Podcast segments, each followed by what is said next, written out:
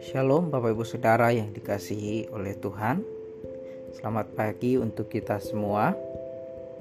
Saya berharap pada pagi hari ini kita boleh ada dalam keadaan yang sehat Untuk melakukan setiap tugas dan pekerjaan kita. Amin Bapak Ibu Saudara yang dikasihi oleh Tuhan Pada pagi hari ini kita akan sama-sama merenungkan kebenaran firman Tuhan tetapi sebelum itu Bapak Ibu Saudara, mari kita berdoa terlebih dahulu.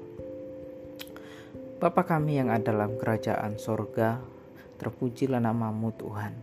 Pada saat ini ya Tuhan, pada pagi hari ini kami datang kepadamu ya Tuhan. Kami mau sama-sama merenungkan dan belajar kebenaran firman-Mu. Biar Engkau Allah menolong kami, mampukan kami untuk hidup takut akan Engkau dan melakukan setiap tugas dan tanggung jawab kami sesuai dan seturut kehendak-Mu. Terpujilah nama Tuhan. Di dalam nama Yesus, biar kami boleh mengerti kebenaran-Mu pada pagi hari ini dan kami boleh menjadi pelaku-pelaku kebenaran-Mu. Di dalam nama Yesus, haleluya, haleluya. Amin. Bapak Ibu Saudara, renungan kita pada pagi hari ini diambil dari Ayub pasal yang ke-9 ayat yang pertama sampai dengan ayat yang ke-35 dengan judul perikop yang diberikan oleh LAI jawab Ayub tidak seorang pun dapat bertahan di hadapan Allah. Bapak Ibu Saudara, kita tahu bersama bahwa kitab Ayub ini adalah kitab puisi yang berisi hikmat yang luar biasa, hikmat yang tersirat di balik dialog dan perdebatan antara Ayub dan sahabat-sahabatnya. Kemarin kita sudah belajar di pasal sebelumnya di mana Bildad, salah satu sahabat Ayub, mengeluarkan pendapatnya Bildad mengungkapkannya dalam satu pertanyaan. Masakan Allah membengkokkan keadilan? Masakan yang maha kuasa membengkokkan kebenaran? Dengan kata lain, Bildad mengatakan, Allah itu adil dan tidak ada satupun yang dapat membantah Allah. Bildad menyatakan, kalau kamu salah, tentu Allah akan menghukummu. Dan sebaliknya, kalau kamu berbuat baik, maka Allah tentu akan mengasihimu. Secara tidak langsung ia menyatakan apa yang terjadi kepada Ayub itu adalah kesalahannya sendiri. Karena itu ia menasihati Ayub di ayat yang ke-20 sampai yang ke-21 firman Tuhan berbunyi, Ketahuilah Allah tidak menolak orang yang saleh dan ia tidak memegang tangan orang yang berbuat jahat. Ia masih akan membuat mulutmu tertawa dan bibirmu bersorak-sorak. Bapak Ibu Saudara, kira-kira bagaimana respon Bapak Ibu kalau Bapak Ibu berada di posisinya Ayub. Bayangkan Bapak Ibu Saudara sedang banyak masalah. Dan orang yang Bapak Ibu harapkan bisa menolong justru menghakimi Bapak Ibu Saudara. Kira-kira apa yang akan Bapak Ibu Saudara lakukan? Pasti tidak ada satupun dari kita yang suka kalau diperlakukan demikian. Begitu juga dengan Ayub Bapak Ibu Saudara. Nah Bapak Ibu Saudara pasal 9 yang akan kita renungkan hari ini adalah respon dari Ayub menjawab tuduhan dari Bildad. Di pasal 9 ayat yang pertama firman Tuhan, tetapi Ayub menjawab ayat 2 ayat 2 sampai 4 saya bacakan. Sungguh aku tahu bahwa demikianlah halnya masakan manusia benar di hadapan Allah. Jika ia ingin berperkara dengan Allah satu dari seribu kali, ia tidak dapat membantahnya. Allah itu bijak dan kuat. Siapakah dapat berkeras melawan dia dan tetap selamat? Bapak Ibu Saudara, Ayub tahu bahwa tidak satupun manusia yang dapat berbantah dengan Allah. Ayub tahu bahwa Allah itu benar. Tidak ada satupun yang dapat menandingi kebenaran Allah. Allah itu adil, lagi benar dalam segala perbuatannya atas manusia. Tidak peduli seberapa benar prinsip menurut manusia, sekalipun ia merasa yang paling benar, dia tetap tidak bisa menandingi kebenaran Allah. Kemudian di ayat yang kelima sampai yang ke sepuluh kita dapat melihat bahwa Ayub juga menyatakan bahwa selain Allah itu benar dan adil, ia juga adalah pencipta dan olehnya segala sesuatu diciptakan. Allah adalah pembuat keajaiban seperti yang tertulis di ayat yang ke-10 yang melakukan perbuatan-perbuatan besar yang tidak terduga dan keajaiban-keajaiban yang tidak terbilang banyaknya. Itu semua Allah yang mengerjakannya. Bapak Ibu Saudara, Ayub sadar betul siapa dirinya di hadapan Allah. Ia bukan siapa-siapa, ia tidak ada apa-apanya jika dibandingkan dengan Allah. Ia tidak layak untuk berbantah dengan Allah. Bapak Ibu Saudara, dalam hal ini kita sependapat dengan Ayub. Kita tahu bersama bahwa Allah itu adil, Allah itu benar, dan tidak ada satupun yang dapat menandinginya.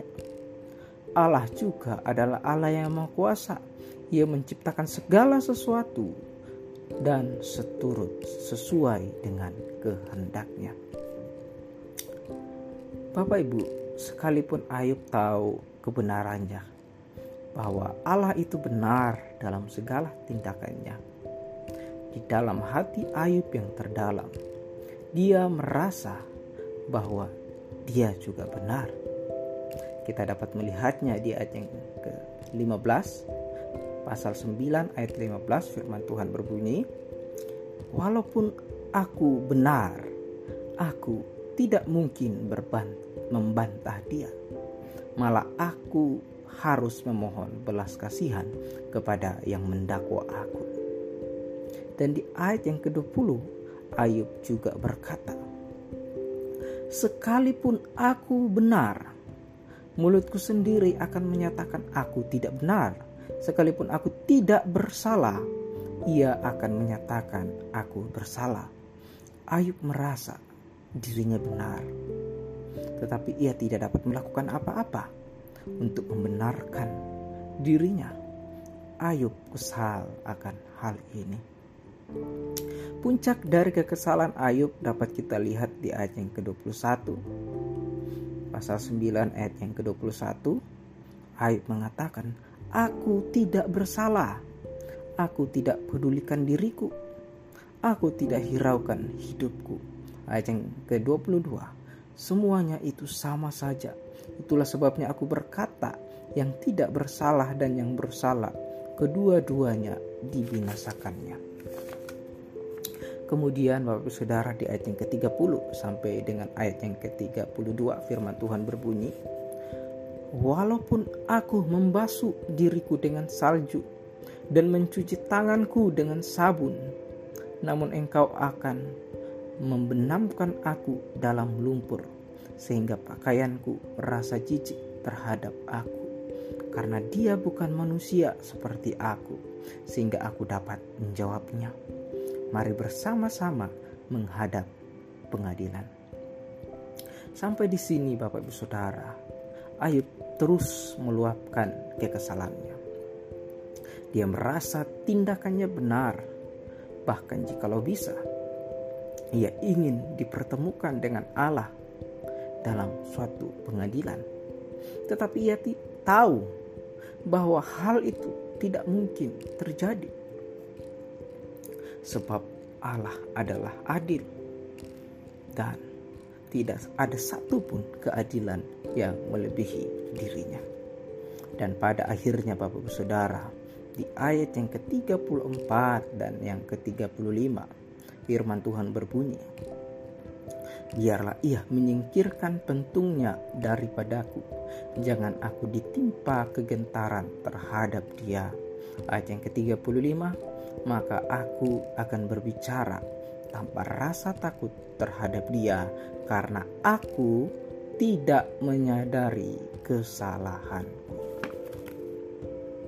Bapak Ibu Saudara, di pasal 9 ini kita melihat keluhan-keluhan yang dikeluarkan oleh Ayub. Ia mengeluarkan apa yang ada di dalam isi hatinya. Ia merasa apa yang dilakukannya selama ini sia-sia. Dia berpikir bahwa kebaikan, ibadah, korban yang dia berikan selama ini kepada Allah itu adalah suatu hal yang sia-sia. Kemudian dia membandingkan dirinya dengan orang lain. Dia mengatakan orang yang bersalah atau berdosa dengan orang yang tidak berdosa, kedua-duanya sama saja. Dua-duanya toh akan mati juga. Dan pada saat ini kita melihat Ayub berada di titik terendah dalam hidupnya. Dia tidak peduli lagi dengan dirinya. Dia merasa sendirian dan terus mengeluh dengan keadaan yang dialaminya. Bapak Ibu Saudara, dalam pasal ini apa yang kita bisa pelajari? Yang kita bisa pelajari Bapak Ibu Saudara pertama, Allah itu adil lagi benar. Ia sempurna dalam segala tindakannya. Bapak Ibu Saudara, kalau kita percaya akan hal ini, Seharusnya kita tidak menyalahkan Allah ketika hal buruk terjadi dalam kehidupan kita. Mengapa? Karena kita percaya bahwa apa pun yang terjadi dalam kehidupan kita itu adalah yang terbaik dari Tuhan, dan hal itulah yang akan mendatangkan kebaikan bagi diri kita. Amin seperti yang tertulis dalam Roma pasal yang ke-8 ayat yang ke-28 firman Tuhan berbunyi kita tahu sekarang bahwa Allah turut bekerja dalam segala sesuatu untuk mendatangkan kebaikan bagi mereka yang mengasihi Dia, yaitu bagi mereka yang terpanggil sesuai dengan rencana Allah. Lalu yang kedua Bapak Saudara, apa yang kita bisa pelajari? Ayub adalah manusia biasa, sama seperti kita. Ayub adalah pribadi yang luar biasa, yang kisahnya tercatat di dalam Alkitab. Ia luar biasa sebab ia tidak kehilangan imannya ketika Allah mengambil semua yang berharga dalam dirinya. Tentunya hal ini tidak bisa dilakukan oleh semua orang Sekalipun demikian, Bapak Saudara, ia tetaplah manusia biasa. Seiring berjalannya waktu, dia mulai kehilangan pengharapan akan kepercayaannya kepada Tuhan. Dia menganggap semua yang ia lakukan adalah kesia-siaan. Dia merasa apa yang dilakukannya tidak ada yang salah. Dan pada akhirnya dia berada di titik di mana ia tidak peduli lagi dengan kehidupan yang diberikan Tuhan kepadanya. Kiranya kita tetap kuat Bapak Ibu Saudara seperti Ayub ketika kita menghadapi pergumulan kita terus berpegang kepada Tuhan dan terus memiliki pengharapan kepada Tuhan apa pun yang terjadi dalam kehidupan kita sebab dia adalah sumber pengharapan dan kekuatan kita Tuhan Yesus memberkati. Bapak Saudara, mari kita berdoa.